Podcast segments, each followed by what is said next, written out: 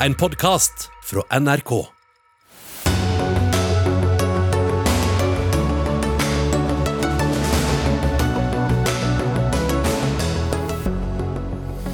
Hvorfor bruker den store russiske militærorganisasjonen så lang tid på å ta kontrollen over Ukrainas hovedstad? For dårlig etterretning, tror en av sjefene ved krigsskolen. Russisk økonomi er skadeskutt etter sanksjoner fra Vesten. Men hvordan skal oljefondet klare å selge seg ut av Russland når det er et marked der ingen vil kjøpe, og det de har å selge knapt har noen verdi? Klassekampen beskyldes for å være etterplaprere av Vladimir Putin av Aftenposten. Selv sier venstresidens Dagsavis at den forsøker å være en annen stemme. Og nesten halve menneskeheten er svært sårbare for ytterligere klimaendringer. Ifølge den nye klimarapporten fra FN gjør Norge nå endringer i egen oljepolitikk. Ja, det er mange, mange, mange spørsmål som vi vil stille. Så får vi se hvor mange svar vi klarer å få i dagens Dagsnytt 18. Jeg heter Espen Aas. Og Vi skal også innom debatten om hvorvidt Norge bør sende våpen til Ukraina. Uenigheten er ikke enorm på Stortinget. Likevel fremstår det som det er store motsetninger. Hvorfor det? Men vi begynner med det siste nytt. Vi er på dag fem av Ukraina-krigen. En krig som får stadig større konsekvenser også for omkringliggende land. Idet reaksjoner skjerpes på begge sider. FN har i hvert fall bekreftet at 102 sivile er drept, blant dem minst sju barn. Samtidig har fredssamtalene mellom Russland og Ukraina på grensen til Hviterussland blitt avsluttet for kort tid siden. Vi skal komme tilbake til dem snart, men først til deg, Roger Severin Bruland, europakorrespondent og med oss fra Vylok i Ukraina, på grensen til Ungarn. Hvor godt overblikk har vi over situasjonen i Ukraina nå? Ja, vi har vel egentlig ganske godt eh, overblikk. Selvfølgelig er det jo veldig mye informasjonskrig, slik at en ikke kan stole på myndighetene som er involvert 100% men jeg har journalister stort sett overalt. Selv i de hardeste råka plassene, sånn som Kharkiv. Så, så da får en jo inn rapporter. Og det er jo ikke noe rakettforskning, det her. Det er jo snakk om urban krigføring. En ganske blodig krig inne i de store byene i Ukraina, i øst og sentralt. Og der det er en styrke som angriper med det de har, og en forsvarsstyrke som forsvarer seg med det de har. Vi sliter bitte litt med linjen til deg, Bruland, men vi, vi, fortsetter likevel. Det ser ut som den har stabilisert seg, i hvert fall når det gjelder tale. Du har jo da også tidligere oppholdt deg i grensebyen Elviv de siste dagene. Hvordan forbereder folk seg på mulige større angrep? Ja, nå har vi jo vært en liten runde utenfor byen. og en ser jo det at her er det bygd opp stillinger, sandsekker, med sånne såkalte kontrollposter, der en blir sjekka pass og ID for å finne ut hvem du er. Og så blir det jo da bedt om at alle som har et skytevåpen, at de kan melde seg på rådhuset for å stille til by, forsvar av byen. Mens andre som ikke har skytevåpen, blir bedt om å lage molotov-cocktails, sånn som det her bryggeriet som dere sikkert så på Dagsrevyen i går. Men også tips om hvordan en kan skade en angrepsstyrke på andre mer eller mindre hjemmelaga måter, eller på, på geriljametoden, hvis det skulle bli nødvendig. Hvor mye trafikk er det nå på grensen mellom Ukraina og Ungarn, Roger? Det her, det her, er jo litt taktisk av meg, da, for at jeg skal jo bare rundt en runde og så tilbake til Lviv. slik at det her er vel kanskje en av de grensepasseringene det er minst eh, trafikk på. Jeg tror det er tre kilometer kø, så det er bare tre til fem timer å vente. Det er ingenting.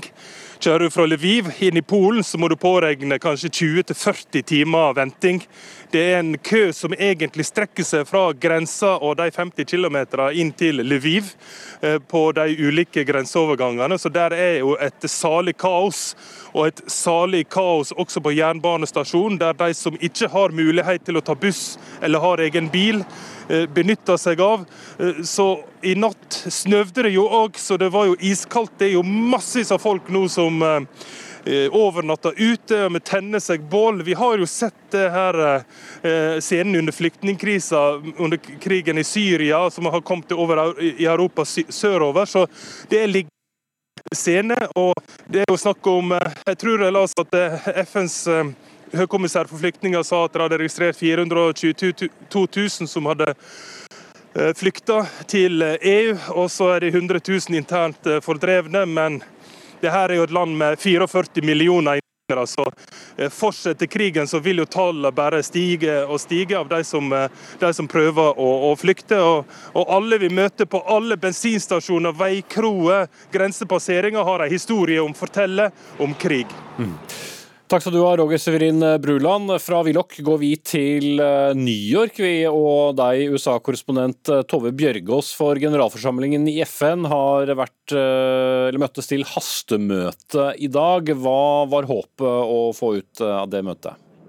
Ja, Det eh, de kan gjøre, er jo bare å vedta resolusjoner, altså eh, uttalelser om det som skjer nå. Men, men, det er 40 år siden sist det har vært et slikt hastemøte i FN som det som begynte i dag. Dette møtet kommer til å vare i flere dager. Og, og, og dette handler om å holde trykket oppe på situasjonen, fordi Sikkerhetsrådet, der Russland sitter, der blir det lagt ned veto mot alle uttalelser om, om, denne krigen. Det har vært veldig sterke ord i, i dag. Eh, den ukrainske FN-ambassadøren sammenlignet Putin med Hitler som satt i, i bunkersen sin og leste leste opp eh, en screenshot fra telefonen til en avdød russisk eh, soldat. Den russiske ambassadøren kom med, nye advarsler til EU om å sende våpen til Ukraina, bl.a.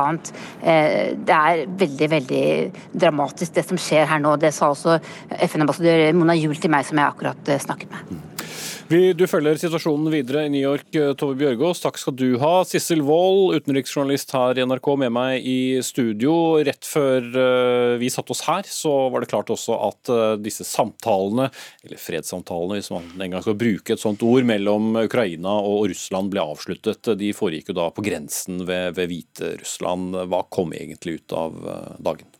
Ja, Det viktigste var jo at de satt sammen i det hele tatt. Og selv om russerne og ukrainerne står langt, langt fra hverandre, eh, så har de iallfall eh, snakket sammen. Og den gode nyheten er at de skal eh, fortsette møtene, ifølge en ukrainsk talsmann. Den russiske delegasjonen er ledet da av viseforsvarsministeren, viseutenriksministeren, mens eh, Ukraina har sendt eh, forsvarsministeren. Men før disse samtalene ble avsluttet, så rakk den veldig aktive ukrainske president Zelenskyj å søke om EU-medlemskap for Ukraina. Og det er nok en rød klut foran president Putin og den russiske delegasjonen, så vi får se hvordan stemningen er i morgen. Men de har iallfall snakket sammen. Russerne krever jo at, eh, at eh, ukrainerne nedskalerer sin militære. De ønsker jo egentlig regimeendring, mens ukrainerne krever våpenhvile nå, og at hver eneste russisk soldat skal forlate Ukraina nå umiddelbart. Og det er de jo ikke enige om.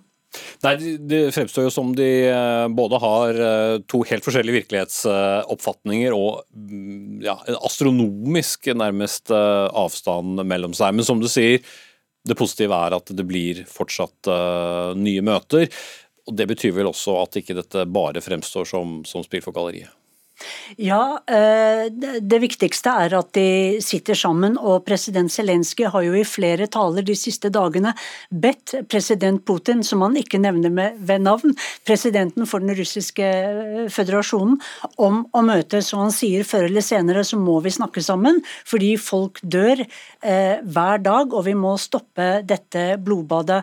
Men eh, interessant er det jo også at Chelsea-eieren Roman Abramovic er med her. Mm. Og det er jo ganske pussig. En av de store oligarkene som uh, har vært, vært, mye omtalt. Så, så hva slags rolle har han?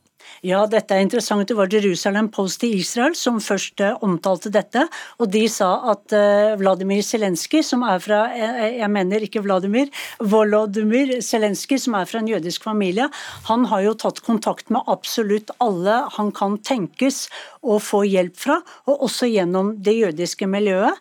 Og Roman Abram, Abramovic han kjenner jo godt til både det ukrainske og det russiske jødiske miljøet og han er også en venn av Putin. Sånn at han håper at uh, dette kan bidra på et eller annet vis. Mm. Du følger uh, situasjonen videre, Sissel Wold, og skulle det skje store nyheter, så henter vi deg inn i studio igjen, men takk så langt.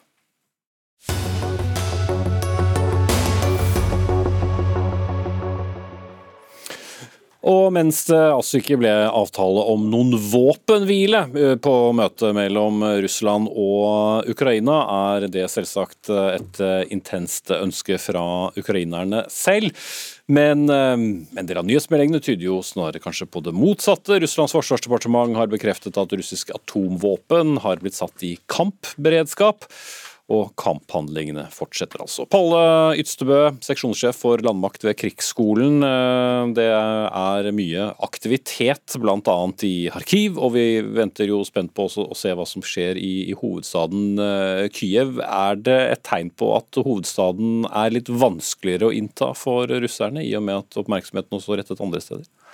Ja, den er tydelig vanskeligere å innta. og Det gjelder jo ikke bare hovedstaden, det gjelder andre store byer òg. Uh, men nå ser det ut som de driver på med en sånn etterforsyning og styrkeoppbygging nordvest for, uh, for Kyiv. da. Så en kan vel forvente et uh, nytt forsøk med litt mer trøkk enn det vi har sett så langt, som samtlige har blitt slått tilbake. Og så er det jo fortsatt litt kamper igjen inne i Kiev for å rydde opp disse sabotørgruppene og andre som har tatt seg inn. da. Men, men, hva kan vi lese? Vi er på dag fem. Uh, var uh, russerne for optimistiske på, på egne vegne og undervurderte ukrainerne? Ja, det er mye som tyder på det. Uh, på måten de starta på. Så, så brøt de fullstendig med egen doktrine og nærmest bare kjørte på i det virka som et håp om at det ukrainske motstand skulle kollapse. altså med, sånn, med å angripe fra flere retninger. Eh, så der hadde de forregna seg litt. Mm. Tom Røseth, hovedlærer ved FHS, stabsskolen. Eh, du har Ukraina som, eh, som, hovedfelt. Vi har jo da sett og hørt om disse satellittbildene av enorme militærkolonner på vei inn, og, og disse mm, kamphandlingene som Ytstebø er, er, innom. Hva kan vi lese ut av den militære strategien fra russisk side? Ja, de har nok vært litt uh, utstrekt. Uh, og det har tatt en pause for å på påfyll av, uh, av logistikkforsyninger. og den kolonnen vi nå ser, er i hovedsak det, men også stridsvogner og, og, militært materiell. Så det, det er vel hva som Ja, hva vi kan legge i det. Mm. Etterretning, russisk etterretning, hvor god har den vært? Det er et godt spørsmål, og jeg eh, mener at den har vært eh, dårlig. Eh, Russland mener å kjenne Ukraina, og jeg tror de har sett for lett på oppgaven. Jeg tror de har undervurdert både viljen hos ukrainernes væpnede styrker, men også sivilbefolkningen. Det vi ser nå er en, koordinert innsats som Moskva ikke var forberedt på. Og jeg tror at, at rapporteringene som har kommet fra nettverket russisk etterretning må ha i Ukraina, har nok vært litt eh, det Moskva vil høre. Eh, og Vi så jo eh, hvordan Putin behandlet sin etterretningssjef for utenlandsetterretningen. Og I et sånt klima så, så kommer det ikke med dårlig nytt. Ja, med, med, andre ord, folk som kanskje vil gi et bedre råd til, til Putin om situasjonen, lar være å gjøre det og heller sier det han vil høre? Jeg leser det litt ut av situasjonen, ja. Mm. Men så er det litt vanskelig helt å få tak på, på Ukraina også. For på, på, en side hører vi jo da at ukrainerne slår hardt tilbake. Samtidig hørte jeg senest i på BBC et parlamentsmedlem som ble intervjuet på direkten, som fortalte at han satt der med et automatvåpen og andre hadde fått opplæring i. Så det gis jo både et bilde av at det nærmest er sivile som, eh, som, som forsvarer seg mot russerne. Samtidig så har vi jo eh, selvfølgelig eh, ukrainsk militære ute også. Hva, hva vet vi om hva de slår tilbake med? Eh, som det ser ut nå, så er det alt mulig. Altså, De har den regulære hæren, eh, og så har de kalt inn 400 000 reservister, som samtlige har kamperfaring fra Donbass de siste åtte åra som landet tross alt har vært i krig. Uh, og så er det disse sivilistene som meldes som frivillige, og som får våpen, molotov-cocktails, og, og, egentlig nærmest uh, virker som de sitter på post i leiligheten sin. Så du har egentlig hele spekteret, altså. Så vi ser i praksis antydning av en, av en folkekrig her. Mm. Så må vi innom uh, kjernevåpen eller atomvåpen. Kristin Ween Brusgaard, postdoktor ved Oslo Nuclear Project ved Universitetet i, Oslo. Vi hadde med deg før helgen også, men i dag kommer da meldingene om at disse våpnene er satt i kampberedskap. Hva slags våpen vet vi da er satt i kampberedskap? Eh, de fleste antar at det Putin her snakker om er de strategiske rakettstyrkene, dvs. Si de langtrekkende kjernevåpnene som kan eh, nå andre kontinenter, som f.eks. Eh, USA. Eh, og Det Putin nå sier er at han eh, vil gjøre noen av disse våpnene klarere til bruk. Men eh, det er mye vi ikke vet. Det er litt uklart hva dette her faktisk innebærer. Vi har bare denne meldingen fra russiske myndigheter foreløpig, og både britiske og amerikanske myndigheter har vært ute og sagt at de ikke har sett noen endring på bakken i utplasseringen og disposisjonen av russiske atomstyrker, som jo disse landenes myndigheter følger veldig nøye med på. Mm. Og og Hviterussland, som jo da også har grense nord, eh, eller i sør, da, men nord eh, eh, fra, fra Ukraina, åpner da for atomvåpen på sitt territorium. Men er det, er det fortsatt da del av den samme historiefortellingen om, om hva de kan gjøre? Ja, dette er nok eh, begge deler eh, sterke signaler til Vesten om at Russland oppfatter dette som en særdeles eh, truende og tilspisset situasjon, og at man er villig til å ta i bruk alle virkemidlene Russland har tilgjengelig, og da også å vurdere å utplassere disse på et annet lands territorium, som Hviterussland, hvor de vet er noe Vesten overhodet ikke ønsker seg. Mm. Da er det veldig blandede signaler. da, altså Vi har da disse samtalene som vel er satt i gang for å nå frem til et eller annet mål, og samtidig velger da russiske forsvarsdepartementet å poengtere at man setter eh, kjernevåpen i, i beredskap. Hvordan skal man lese det? Eh, jeg tror det er normalt eh, når det gjelder forhandlinger sånn i en konflikt, at partene posisjonerer seg så best de kan før, før forhandlinger. Og så vil jeg heller ikke legge for mye vekt på, eller håp på, at disse forhandlingene vil lede til, til noe konkret sånn umiddelbart eh, heller. Mm. Palle Ystebø, etter fem dager nå da med, med, krig eller uh, invasjon, hva vil det være viktig å følge med på i dagene fremover? Det som var inne på med russisk styrkeoppbygging, forsterkninger, mot, spesielt i området mot Kiev, Eh, som det virker å være deres uh, si, viktigste mål i, uh, i, i, konflikten. Og Så er det en del bevegelse andre steder. I sør så har de hatt en del framgang langs Asavhavet. Det er litt konflikterende meldinger der. at de har nærmet seg Mariupol fra, altså fra Krim da, for, for muligens å etablere denne landbrua. Um, er, kan være flere grunner til det. det, det da, en grunn kan være at rett ukrainerne ikke har prioritert det feltet der, men samtidig så holder de de unna en del andre plasser. Så, så er det òg interessant å se, eller interessant er stygt å si, altså, men den uh, massive beskytningen nå som foregår av uh, ukrainske byer med, med sånne store, stort rakettartilleri, altså massiv slagmarksvåpen, som da virker å bli skutt bevisst inn mot, uh, mot, boligområder. Nærmest en form for terrorbombing. Du må tilbake til, til andre verdenskrig for å, for å finne maken til. Mm. Så dette er uh, en, en, en, ny måte å skjerpe krigføringen på? Nei, ikke for russerne. Det er samme måten de drev i, eh, i, uh, men, men, i denne konflikten? I denne konflikten, ja da. Så det, nå, nå, er det på, på, på Tsjetsjenia-nivå i 99, altså med, med fullstendig rasering av, av, av byen. Mm. Eh, Brusgaard, når vi snakker om atomvåpen eller kjernevåpen, hva, hva, må til før et eventuelt klarsignal om å, å ta noe slikt i bruk skulle komme? Altså Det russerne har kommunisert eh, før denne konflikten om sin terskel for bruk av kjernevåpen, er at den er eh, relativt uh, høy. At de bare vil benytte kjernevåpen i ekstreme situasjoner der statens eksistens er truet. Og det er jo ikke der vi er nå. Så, og Dette er jo noe av grunnen til at øh, folk er noe overrasket over sabelraslingen til Putin. Samtidig så har jo russiske myndigheter vært kjent for å henvise til sine atomvåpen for å vise seg frem som en, en stormakt. Eh, men, men, vi må forvente at eh, det skal eh, mye til før Russland faktisk tyr til disse våpnene. Trusler, trusler er én ting, men bruk er noe annet. Mm. Så er det jo noe med, med likevekten da, mellom atommakter. Er det naturlig å tenke seg at det kommer et eller annet slags svar fra, fra Vesten, eller lar man russerne holde på her? Vestlige styresmakter har uh, sittet ganske rolig i båten når de har mottatt disse meldingene, og også uttalt seg om at de ikke ser noe behov for å øke beredskapen i sine atomstyrker. Franske, den franske utenriksministeren har påpekt relativt tørt at uh, han vil minne om at Nato også er en atomallianse. Da sier vi foreløpig takk til dere. Kristin Ven Brusgaard, postdoktor ved Oslo Nuclear Project, Tom eh, Røseth ved Forsvarets høgskole og Palle Ytsebø ved Krigsskolen.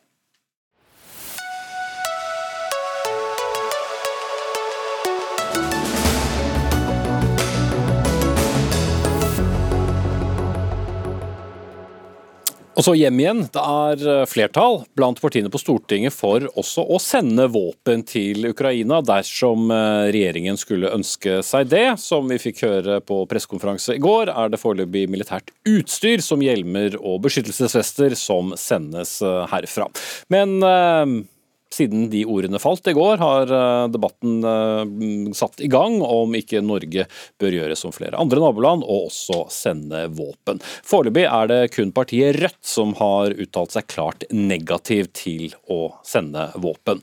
For kort tid siden eh, møttes Stortingets utvidede, startet et møte i Stortingets utvidede utenriks- og forsvarskomité for å diskutere dette eller bli orientert. Mats Rønning, politisk reporter her i NRK, du er på Stortinget. Stortinget. Hva, hva vet vi om, eh, om møtet nå? Møtet i denne komiteen er jo hemmelige. Dagsorden får vi jo ikke vite, og heller egentlig ikke møtetidspunktet. Men vi kjenner jo til at møtet nå eh, pågår, og det er jo situasjonen i Ukraina selvfølgelig som eh, preger diskusjonene. Fra opposisjonens side så er det en forventning her om at eh, regjeringa kommer med en orientering om den situasjonen som har oppstått. Og det blir også reist spørsmål ved om Norge gjør tilstrekkelig. Du var inne på dette med å sende våpen til til Ukraina fra norsk side, noe som det ikke har vært tradisjon for å gjøre i Norge til land i krig i så å si hele etterkrigstiden. Det er et spørsmål som har meldt seg, og som det kan hende at regjeringa har et svar til Stortinget på eh, akkurat nå. Mm. Som du var inne på, Mats Rønning, så skjer jo da dette møtet offisielt ikke. Men hvor mye informasjon er det da ventet å få i etterkant? Vi har store forventninger til at uh, regjeringa vil komme opp hit og redegjøre for uh, det de har sagt i dette møtet som kan offentliggjøres i etterkant. og Det er også venta at opposisjonen vil komme med, med sine uh, kommentarer. Det har vært hektisk møtevirksomhet på Stortinget i hele dag, både i partiene, men også regjeringen har hatt en regjeringskonferanse. og Nå også konsulterer de da Stortinget gjennom denne, dette særskilte organet, DUFK som det heter på stammespråk, altså den utvidede utenriks- og forsvarskomiteen her på Stortinget. Stortinget. Og og Spørsmålet som melder seg er jo da om Norge vil følge f.eks. det eksempelet som, som, Finland nå nettopp har satt, ved å si at de er villige til å sende våpen til, til, Ukraina. Som du var inne på, så har Rødt sagt nei. SV er avventende og vil vente på et eventuelt forslag fra regjeringa før de tar stilling til det. Men både partier som Venstre, Kristelig Folkeparti og nå senest Fremskrittspartiet, som nettopp har avslutta sitt gruppemøte, har klargjort at de mener det er riktig å vurdere å sende disse våpnene til eh, Ukraina. Takk skal du ha, Mats Rønning, reporter på Stortinget. Fridtjof Jacobsen, politisk redaktør i Dagens Næringsliv. Er dette en vanskelig politisk sak, sånn egentlig? Det vanskelige politiske er at ting skjer så fort. Og at uh, gamle dogmer og, uh, og, på en måte ned uh, sånne solide prinsipper for hvordan vi skal gjøre dette, de faller nå i, i hele Europa. Eh, og Norge eh, må nok henge med for å ikke på en måte havne i, i bakleksa eller være for langt framme i skoa. Og det, Men liksom den normalen da, for våpeneksport for eksempel, til land i krig, den er nok nå i ferd med å endre seg. Hører vi at Finland, som altså ikke er Nato-medlem og har en betydelig grense til Russland og en lang historie som russisk nabo, sender både maskingevær, panservernraketter, ammunisjon osv. Det, det blir jo stadig vanskeligere for Norge å være et land som ikke gjør det, tror jeg. Mm. Lars Nehru Sand, du har snakket med representanter fra vel så godt som alle partier gjennom eh, dagen. Hva, hva er det de sier? Som eh, det har vært snakk om her, så, så er det jo en, en, helt ny situasjon også for partiene på Stortinget. De har brukt eh, helgen og dagen i dag til å forankre et, et ståsted eh, og standpunkt i sine partiorganer, og det har tatt noe tid. Men, men det er jo, som både Jacobsen og Rønningen er inne på, nå en helt ny fortolkning av hvorvidt det, skal, hvorvidt det da vil være riktig av Norge å sende også A-materiell til til, eh, til, eh, der hvor mm. fronten ja, altså våpen, da, ikke, eh, ikke, hjelmer og beskyttelsesutstyr. Ja, og det vil jo være et nytt prinsipp, men det er jo en helt ny situasjon også, med en så klar eh, angripspart i denne krigen, et så klart land som er underordna, og at det da, eh, når endringene skjer så fort, så, så, må også politikken følge etter det. Det, det erkjenner alle partiene, eh, også SV, som jo er, eh, tufta på, på utenriks- og forsvarspolitikk. Eh, som nå ikke automatisk sier nei til dette, men som, som går i en seriøs dialog og skal ha partimøter langt utover kvelden i kveld eh, for å forankre eh, sitt ståsted, uansett hva de faller ned på. Mm.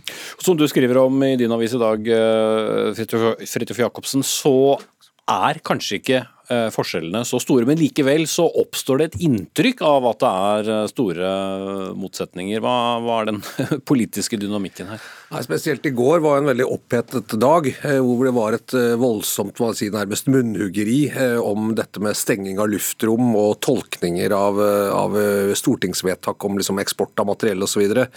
Som verserte fram og tilbake som en slags hva skal man si, sånn eh, jackass pingpong eh, mellom eh, regjeringspartiene og opposisjonen, eh, og som kulminerte da i et veldig opphetet møte i denne utvidede utenriks- og forsvarskomiteen, der vi det ene har erfart at uh, Ine Eriksen Søreide, tidligere utenriksminister, utenriksminister, og Anniken Huitfeldt, nåværende utenriksminister, hadde en ganske oppheta dialog eller debatt. Det var kanskje ikke dialog, det, var mer at de gikk de krangla, rett og slett. Og det, jeg tror det er fordi at det man på en måte sto på i går eh, fra en regjering, eh, det endrer seg så fort i takt med Europa. Og, og, og jeg tror prinsippet, så vidt jeg forstår, er at Norge vil gjøre det som EU og resten av europeiske land gjør.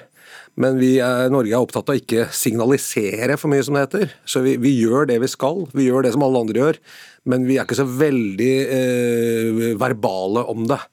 Og Dermed så får du kanskje en situasjon hvor det er åpenbart at Norge kommer til å stenge luftrommet, men de kan liksom ikke si det før det formelt er kommet til EU. og Så kan opposisjonen liksom hamre på og si at uh, regjeringen er treig og feig osv. Og, så og så blir det et veldig dårlig ordskifte som jeg tror, tror egentlig ikke egner seg helt for denne alvorlige situasjonen. Det hadde nok vært best om de uh, finner en måte å kommunisere på som gjør at uh, det tross alt fremstår såpass samlet som det det er. Minus Rødt, selvfølgelig, som det er helt legitimt hvis man har en helt annet politisk standpunkt, men man trenger ikke å lage en konflikt, eller hva man skal si, sånn politisk eh, kjekling om saker man egentlig er enig i, bare fordi man har muligheten til å gjøre det. Mm.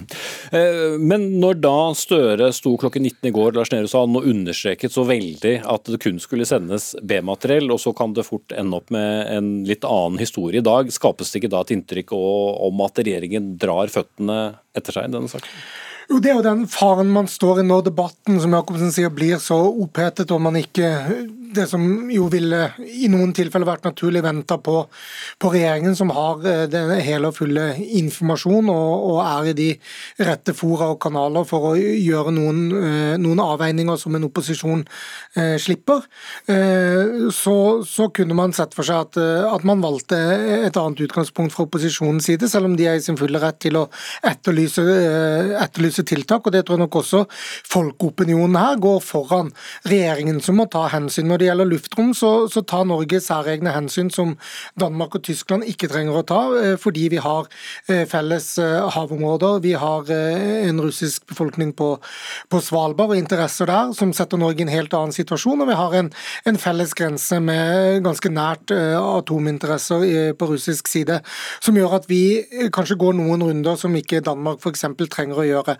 Når det gjelder eksport av norsk våpenmateriell, på den ene eller andre måten, så har regjeringen der også jobbet eh, intensivt, dette er mitt inntrykk, for å få en forsikring om har vi gode nok transportårer. Kan vi forsikre oss om at de våpnene vi eventuelt eh, eh, sender ned, ikke kommer på eh, avveie, ikke havner på russiske hender f.eks.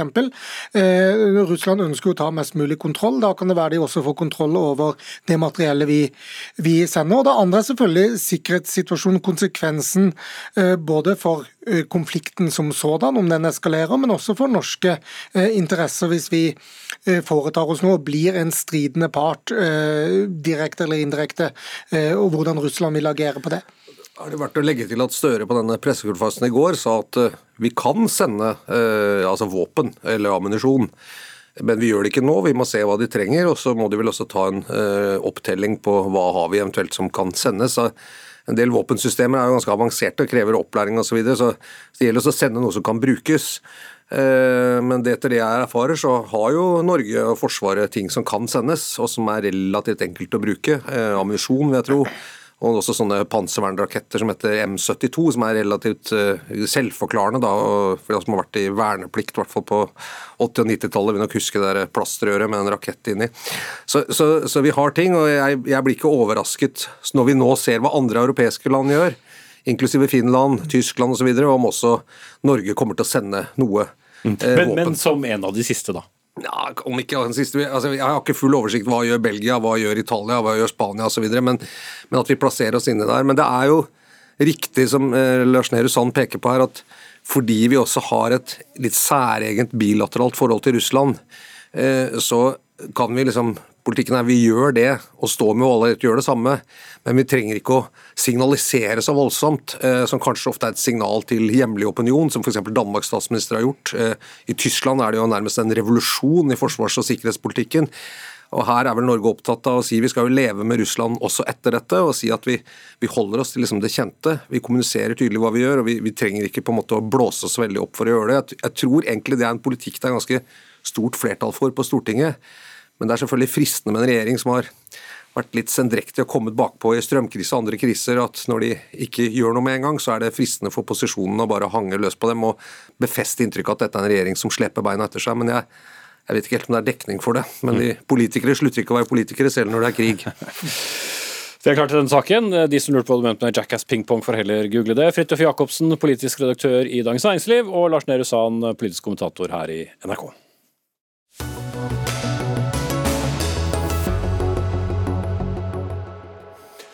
Denne mandagen holdt børsen i Moskva stengt. Styringsrenten i Russland ble mer enn doblet og er nå på 20% En amerikansk dollar kostet på et tidspunkt over 108 russiske rubler. Den hadde da falt i verdi med over 30% siden fredag. Hilde Bjørnland, professor i økonomi ved Handelshøyskolen eh, BI. Dette er jo symptomer og, og plutselige konsekvenser av, av, tiltak, men eh, hvor kraftig slår det egentlig inn i, i russisk økonomi som sådan? Så dette er kraftige tiltak, kraftige sanksjoner, og finansmarkedet har jo også reagert kraftig som forventet så er jo ikke klart at eh, de økonomiske effektene kommer jo ikke over natten. Men sånn gradvis så vil du jo se at hvis dette vedvarer, så svak rubel, så vil du se at pris, importprisene øker, inflasjonen øker. Eh, det vil jo bety, og høye renter, som er jo, rentene har jo doblet seg fra 10 til 20% det vil ha sterk negativ effekt på, på, husholdninger og bedrifter, som uh, kroken på døren for mange av de. Ledigheten vil stige, og uh, Og det blir generelt vanskeligere å, å, ha aktivitet, å leve og bo og drive med økonomisk aktivitet i Russland. Så, det vil, så, så den jevne russer vil, når det har gått en stund, også for alvor ja, dette, kjenne dette? Dette vil merkes for den jevne russer, for bedrifter, for, for den jevne russer. Mm. Eh, absolutt. Harald Magnus Andreassen, sjeføkonom i Sparebank1 Markets. I går eh, hørte vi finansminister Trygve Slagsvold Vedum si at nå skal oljefondet trekke seg ut av russiske markedet. Men det å få solgt noe som blir blir stadig mindre verdt, eh, omtrent mens klokka går, i et marked hvor kanskje ikke så mange vil kjøpe. Kan dette også bli en dyr operasjon for Norge? Dette, dette har ingenting med penger å gjøre. Dette har å gjøre med en, en, politisk markering av at vi vil ikke ha våre penger investert i det landet. Eh, tilsvarende gjør nå andre selskaper, private investeringsselskaper. Eh, BP British Petroleum solgte seg ut, eller vil selge seg ut av stor eierandel av et eh, russisk gass- og oljeselskap, fordi de ikke vil drive butikk der. Og Da er det ikke spørsmål om hvor mye du har tapt eller tjent, eller mye du taper på det. Eh, og Tapet har skjedd allerede, aksjekursen har falt kraftig. Nå, som du sier, Børsen var stengt i dag, og det var en grunn til det. Så det blir spennende å se i morgen da, hvor, langt, hvor langt, mye ned den går. Men det er helt åpenbart at børskursene faller videre, og det er fordi, som Hilde sier, eh, sanksjonene som nå iverksettes mot Russland, som er veldig omfattende, eh, som aldri har skjedd før i forhold til et stort land, eh, kombinert med at vi skjønner at dette er et regime som ikke er til å stole på, som ikke er i stand til å skape et samfunn, en økonomi som vil blomstre. De har slitt lenge allerede. De var på god vei til å bli et bedre fungerende land frem til 2010-2012. Deretter har det gått mye dårligere i Russland, og de har tapt mye i forhold til hva de burde ha klart. Så så fattig var. Så dette er bare det at ikke fondet får solgt nå, det må si at dette er av de, de minste problemene å bekymre seg over i den situasjonen vi nå står. Og Realiteten er at uh, Myndighetene i Russland i dag sa at det var ikke lov for utlendinger å selge aksjer. Så vidt jeg skjønte, Da heller ikke bedrifter eller på børsen. Uh, så da får vi ikke solgt. Og må gjøre som andre bedrifter, innse at de penga eh, sannsynligvis i stor grad er tapt. Mm. Eh, Hilde Bjørnland, eh, det fremstår jo kanskje som en av de mer sånn politiske handlingene som har skjedd med vårt eget oljefond, selv om det for all del finnes etiske råd, hva man skal investere penger i eller ikke. Men at landets finansminister går ut og forteller hva oljefondet plutselig skal gjøre eller ikke gjøre, er i hvert fall ikke dagligdags? Nei, overhodet ikke dagligdags. Men jeg er nok enig med Harald Magnus at dette handler handler egentlig ikke om penger, og det handler egentlig ikke om politikk, selv om det kan synes som, en, som politikk. Og det kan jo synes litt abrupt at det ble fremstilt på den måten under en pressekonferanse. Eh, men poenget her er at hvis det er etiske retningslinjer for fondet. De skal ikke investere i land som eh, bryter menneskerettigheter og invaderer andre land. Så sånn sett så ligger det mye i retningslinjene og etikken til fondet som gjør at dette her kan forklares uh, ganske godt, selv om det er helt, uh, det er helt uh, ekstraordinært det som skjer. Men det er klart at når man bare sier at vi har bestemt at det skal være sånn, så synes det litt sånn politisk. Men, men, men det, er, det, er, noe alle selskaper og alle trekker seg ut av nå, så det er godt begrunnet. Mm. At en eh, rente dobles, uh, som den gjorde i dag, fra vel 9,5 til 10 og opp til 20, hva slags uh, umiddelbare konsekvenser får det? En ting er jo at Hvis du har lån, så blir det åpenbart veldig dyrere, men det skjer jo andre ting også. Ja, men Du kunne bare tenke på det. I, i Norge så skapte overskrifter av Norges Bank hevet fra 0 til 0,25 og 0,25 til 0,5. Det de gjør i Russland, det er vel da egentlig 42 renteøkninger på én gang. Nå har de vært vant med litt høyere renter enn oss og høyere inflasjon, så det er ikke så uvant at det skjer i kan du si, sånn type økonomier. Men det innebærer jo at eh, lånekostnadene for husholdninger som har gjeld, og bedrifter som har gjeld, jeg tror det er viktigere for bedriftene her, øker kraftig. Og, og som Hilde sa, så er det jo, det er jo både et symptom på at noe er helt galt, og samtidig eh, har det en effekt at det, blir, at det blir vanskelig å drive økonomisk virksomhet. Eh, sentralbanken hever rentene i et tappert forsøk på å forsvare rubelen. Rubelen faller da kraftig fordi at eh, på søndag så ble vestmaktene enige om, sammen med Japan også, å blokkere salg av eierdeler som sentralbanken har. De eier obligasjoner i USA, i Europa, i Japan. Og da sier myndighetene i de landene ingen får lov til å kjøpe obligasjonene fra russerne.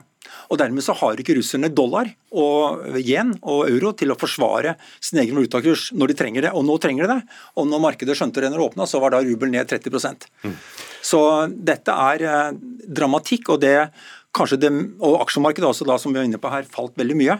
Og Vi får nå håpe da at jeg håper at Putin i morgen sitter spent og ser på TV når det åpner på aksjemarkedet, hvordan det går. Og kanskje det kan føre til at noen flere, og det blir en del allerede, som stiller spørsmålstegn med den politikken og den strategien som, som Putin og Russland har valgt her. Det er jo få dager eh, fortsatt med, med sanksjoner, men da med ganske umiddelbare konsekvenser. Men eh, kan det også rettes raskt opp igjen dersom eh, krigen skal, eh, skulle finne på å bli kortvarig, som det for så vidt ikke eh, tyder på i dag? Da?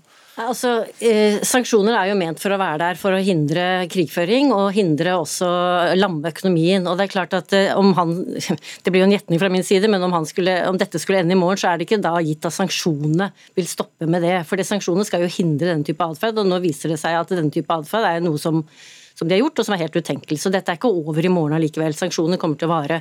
Men det er klart at eh, en rask eh, hvis, dette endrer, hvis dette slutter raskt, eh, så, så, har sanksjonene virket, kan man si. Så da er det kanskje ikke behov for å ha de så lenger. Men, men at dette er over med om krigen slutter i morgen, hvilket ikke til synes som den er, det, det tror jeg overhodet ikke. Mm. Og så tror jeg ikke det er over med rentehevninger eller fall i rubelen heller. Mm. Så jeg tror vi går fra dette til verre. Så her kommer det nye nivåer som kan skrives inn i historiebøkene, rett og slett? Ja, det, ja, og det er jo bare altså det som er det forferdelige ved det, altså de, de, som nå har lidd mest under dette, er selvfølgelig Ukraina og ukrainske folket. Mm.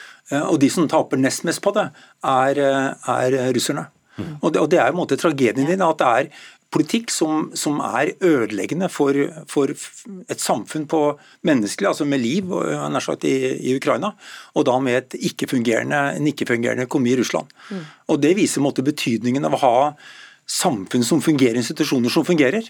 Uh, og det ja, og nå ser vi resultatet når vi ikke har det. Mm. Det er fælt med, å se på.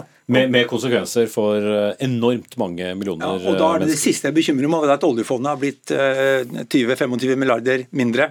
Uh, det tilsvarer vel tre ukers ekstra inntjening som følge av høye olje- og gasspriser som vi har hatt det siste. To, Så dette, dette, tåler Norge innmari bra, og vi har lite å bekymre oss over. Om to uker skal i hvert fall oljefondet også komme med en plan for hvordan dette skal skje. Hilde Bjørnland, professor i økonomi ved BI, og Harald Magnus Andreassen i Sparebank1 Markets, takk skal dere ha.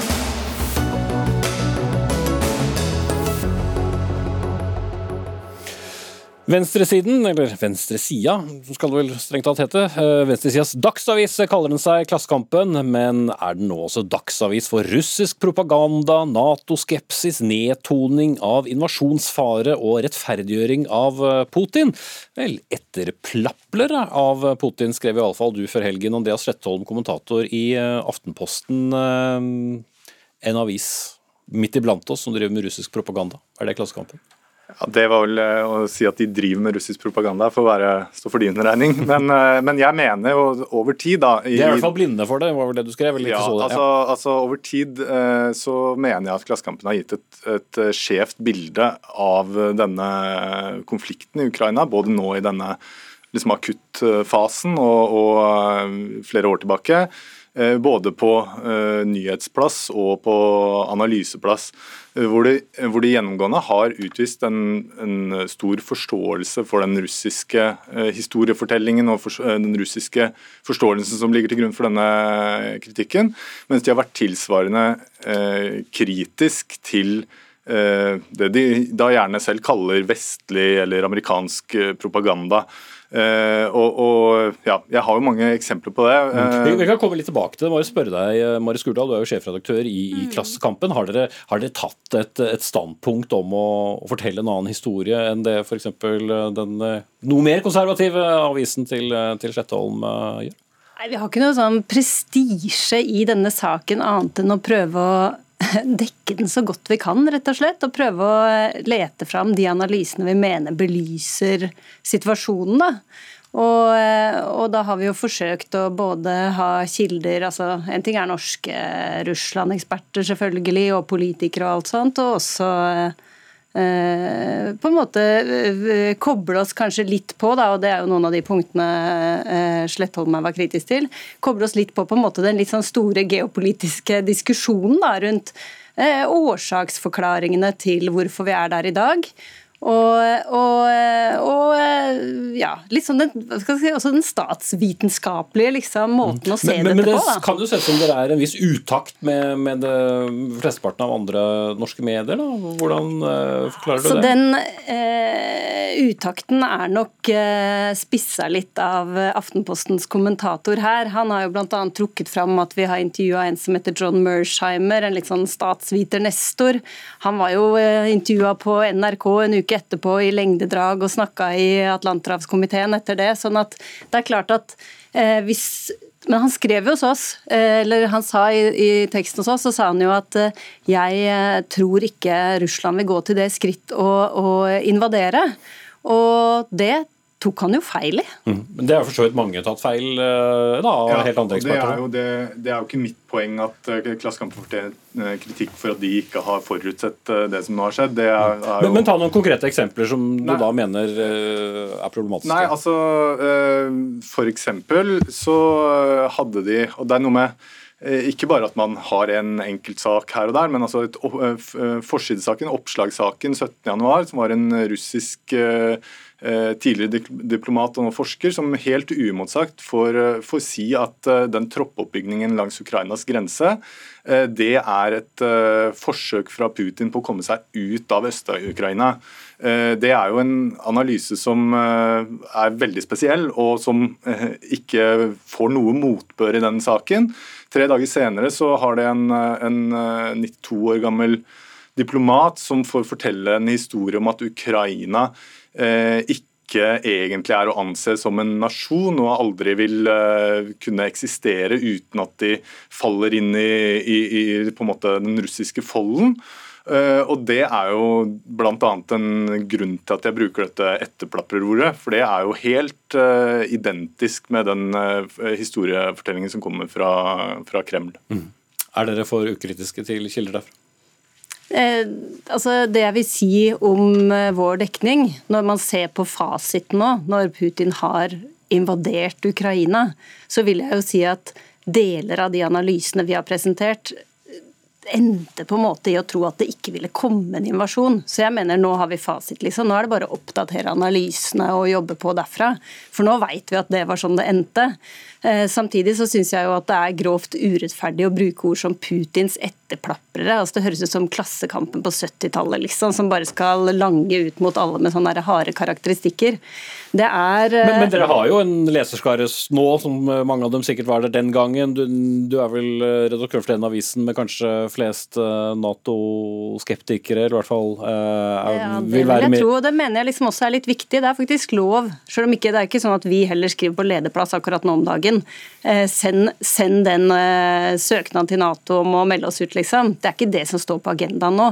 Men jeg mener jo fortsatt det at de som er for Nato i Norge, som er et flertall, og de som er mot, de står sammen faktisk mot denne invasjonen. Jeg har knapt sett en, en, en større liksom, samling i norsk politisk opinion enn en det vi ser i den fordømmelsen av Putins invasjonskrig Mm. Ja, okay, nå. Det er en litt annen historie. Men uh, eh, er det ikke også bra at ikke alle medier rapporterer på, på, på, på samme måte? Trenger vi ikke også noen stemmer som, som stiller spørsmål den andre? Jo, absolutt. Og vi trenger også aviser som er kritiske til norsk Nato-medlemskap. Så det, det handler ikke om det. Det handler jo om at bildet som er tegnet over tid av denne konflikten her i Klassekampen, er eh, misvisende og fortegnet. Og, eh, og jeg mener at dere ikke har eh, opplyst leserne deres eh, godt nok om eh, f.eks. hvilken eh, fare den russiske imperialismen utgjør. Da. Fordi eh, hver eneste gang det er noe Putin-kritisk i en analyse i Klassekampen, så er det som regel da balansert med, med noe om eh, russisk interessesfære eller Natoens ekspansjon østover og sånne ting. Eh, Så, så, sånn at Det handler liksom ikke om at man ikke skal ha de standpunktene man har, men man må uh, tåle kritikk for at de analysene kan være for dårlig eh, fundert. Kanskje fordi man ikke er bevisst sine egne blindsoner når man har, det- har det utgangspunktet man har. Svar på det til slutt, Skurdal. Altså, jeg vil bare si at vi har jo våre liksom, kilder og analyser. De kommer ikke fra Kreml. Det er latterlig. De kommer fra helt andre steder, men de diskuterer også disse tingene. Nato, og Vi har også vært veldig på hvordan skal liksom, denne konflikten, denne krigen, unngås. har vi jobba mye med liksom, før. og hatt kilder som har debattert dette. sånn at Hos oss det har ikke vært sånn en enhetlig linje her. Det har vært mer sånn eh, hvordan skal vi forstå dette? Mm. Men du er fornøyd Hvilke med dekningen? er vi? Jeg er fornøyd med ganske mye av dekningen. Jeg synes en del, Noen av de som du trekker fram også, tenker jeg sånn her, Vi må jo bringe inn disse perspektivene, og så får vi lese og tenke rundt det. Og Det er jo veldig sånn typisk når man får eh, liksom også den her kritikken. da, Det er jo at du Ja, vi har faktisk brakt noen som noen andre er veldig uenig i. Og så svarer de. Og så må vi ta inn noen andre, ikke sant? Når du nevnte han er Mersheimer, okay, f.eks. Kan jeg bare si en ting til? det det, Ja. Nei, jeg, jeg setter stopper. Vi er nødt til å diskutere en viss eh, klimarapport også, så jeg stanser der. Marius Gurdal, sjefredaktør i Klassekampen, og Andreas Slettholm, kommentator i Aftenposten.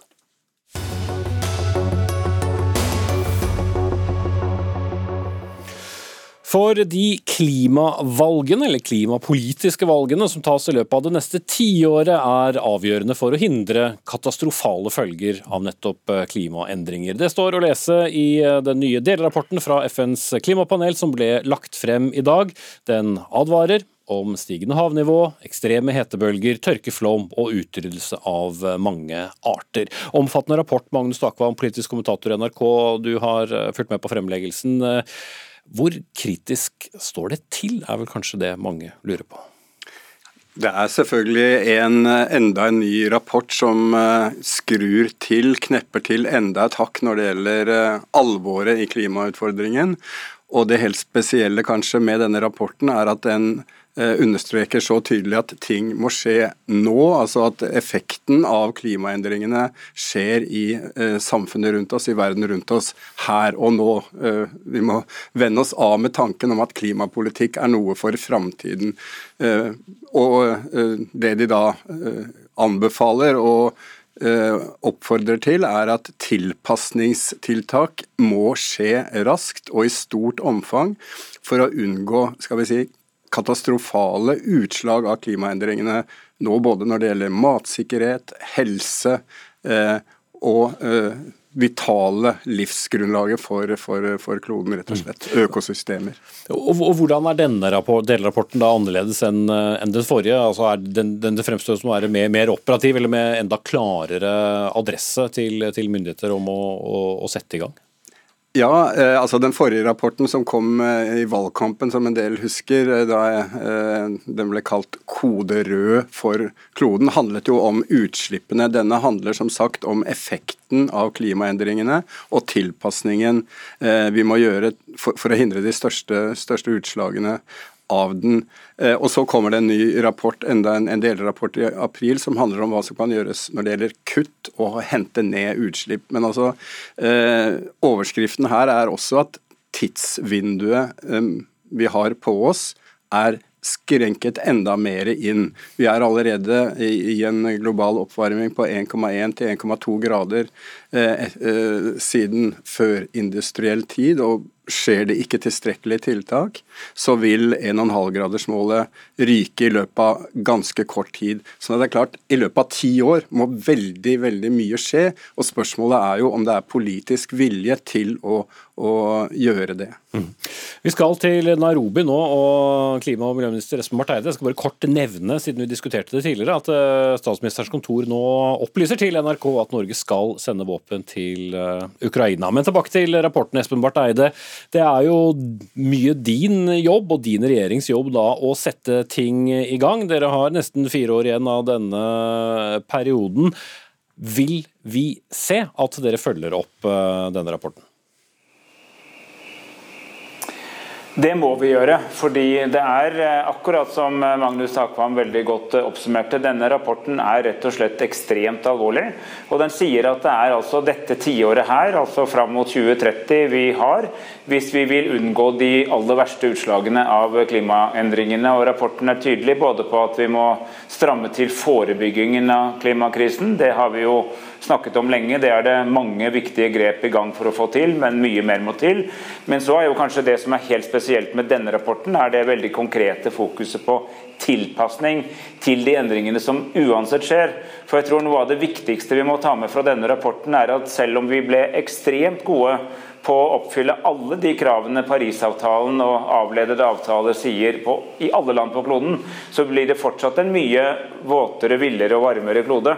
Det blir uh, stadig mer behov for å tenke hvordan vi produsere mat, hvordan vi planlegger byer og tettsteder, hvordan vi sørger for avløps- og overvannshåndtering f.eks. Mm. Selv med de klimaendringene som kommer hvis vi lykkes i forebyggingen. Så her må vi nå bare ha to tanker i hodet samtidig.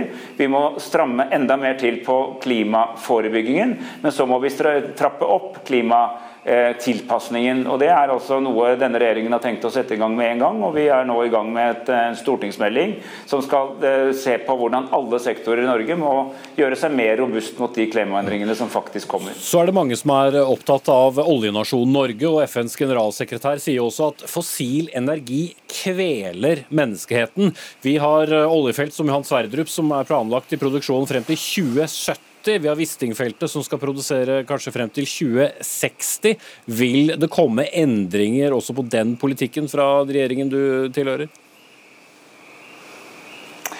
Men da skal vi huske på at eh, det som er den forpliktelsen vi har etter eh, Parisavtalen, er først og fremst å ta ansvar for våre utslipp. og Der har vi sagt at vi skal kutte 55% i, av utslippene i hele økonomien. Eh, det er ikke egentlig spørsmål om oljeproduksjon, det er spørsmål om hvordan vi bruker energi og hva vi ellers gjør i Norge. Så er det selvfølgelig veldig viktig at vi som et, en stor energinasjon også er opptatt av den store energiomstillingen verden må gjennom. Og der mener jeg at vi har eh, veldig mye og vi kan bidra med i forhold til å sørge for økt elektrifisering, avkarbonisering av industri osv. Og, så videre, og i takt med at eh, verden der ute, og ikke minst eh, det markedet vi er med i Europa, bruker mindre olje og gass, så vil det jo selvfølgelig også bli mindre bruk for olje og gass, og derved mindre produksjon. Mm. Så, så dere venter heller på at etterspørselen etter... Men det skjer ikke. Ja, Unnskyld at jeg avbryter deg, men det er litt lite tid igjen. Så det du sier, man venter heller på at etterspørselen går ned enn å eh, senke tilbudet? Nei, altså vi venter ikke på at etterspørselen går ned. Vi vil bidra til at etterspørselen går ned i alle områder. Vi jobber helt systematisk med å bidra til å redusere utslipp på alle områder. Altså landbruk, fiskeri, eh, bygg og anlegg, eh, transport Eh, industri, eh, bygg, hvordan vi lever, hvordan vi bor og hvordan vi reiser. Både her hjemme og der ute. Og Det vil altså føre til en gradvis omlegging av energisystemene. Og i takt med det blir det selvfølgelig også mindre behov for både norsk og utenlandsk olje og gass. Men det er altså ikke så enkelt som at vi med en trylleformel bare trykker på en knapp, og så skjer disse tingene. Okay. Og Det er også det som er så viktig å gå inn i, er at dette er en systematisk omlegging av hele økonomien vår. Og det haster mer enn noensinne. Bjørn Samset, klimaforsker ved Cicero. Det, du har som mange andre lest mange rapporter med klare advarsler. Hvor raskt må eh, politikere som Espen Barth Eide og andre eh, globalt eh, gjøre noe nå, ut fra det denne rapporten sier? Det er klart Vi må i gang med en gang. Altså, dette er en, må jeg bare berømme kollegene mine som har laga denne rapporten, for den er veldig god og bred og tar klimaproblemet fra det kanskje litt abstrakte, som det vi la fram i, i høst, med liksom, mer ekstremvær og alt sånt, og ned på det, det, virkelig operative. Altså, Hvor er klimarisikoen? Det denne rapporten her sier noe om, er jo hvor sårbare er vi for klimaendringene, hvor eksponerte er vi for dem, og hvordan arter seg forskjellige steder i, i verden. Og Det den er helt tydelig på, det er jo at ting er i gang å skje allerede nå, og vi har allerede tilfeller på hvordan man, eh, hvordan man, tilpasser seg rundt omkring i verden til klimaendringene, men ikke alltid på beste måte. Så Vi har allerede eksempler på dårlig tilpasning. Det er klart Ting må skje allerede i dag hvis vi skal klare å unngå de verste konsekvensene både på utslippskutt, for å holde global oppvarming så lavt som mulig, men også på tilpasningsplanlegging og det som kalles da eh, eh, robust, eller klimarobust utvikling. Altså at Den utviklingen som vi skal ha nå som, som verden for å komme oss forbi klimaproblemet og ressursproblemet, at det må ta helheten av klimaproblemet og naturproblemet eh, innover seg. For alt dette henger sammen. Mm. Klimapolitikk er også fredspolitikk, har flere pekt på i dag. Eh, deriblant du, Bjørn Samset i Cicero. Hvordan henger det sammen? Jo, altså Den går egentlig begge veier. Klimapolitikk er, er, fredspolitikk fordi at klimaendringene de påvirker kritiske ressurser som mat, vann, energi, som det veldig fort blir konflikter av hvis vi har eh, for lite av eller få problemer med. og Det vet vi at vi får, det sier denne rapporten veldig veldig tydelig. Men fredspolitikk interessant nok, er også klimapolitikk. fordi at det denne rapporten også viser, det er at klima, altså I en, en verden med en viss grad av global oppvarming, si to grader f.eks., så er det mye vanskeligere for oss å tilpasse oss. Vi får en mye høyere klimarisiko i en verden med ufred. Så fredspolitikk har alt å gjøre, også med klimapolitikken. Mm. Avslutningsvis, eh, Magnus eh, Takvam. Det blir, det blir, alltid mye diskusjon eh, rundt klimaspørsmål også her hjemme. og Skal mindretallsregjeringen få vedtatt noe, så må den ha med seg støtte. Blir, altså er dette en rapport som gjør det vanskelig for regjeringen? Altså, Svaret på det er vel at det er allerede vanskelig på den måten at én uh, ting er at denne regjeringen har jo også, som Barth Eide har eh, sagt allerede, definert ganske ambisiøse mål med 55 kutt av, i, i, norsk over det norske territoriet innen 2030. Det betyr ned mot 23 millioner tonn, mens vi har rundt 50 millioner tonn utslipp nå. Uh, så, så, utfordringen er jo å, å greie å gjøre det. Og det er klart at det dere var inne på, er jo at det skjer så ofte eksterne eh, sjokk, som både energikrisen, krig og konflikt, som, som ja, trumfer hensynet til denne langsiktigheten. Må dessverre bryte deg av der. Sendingen er over. Gro Arneberg, Lisbeth Sellereite og Espen Aas, takk for følget.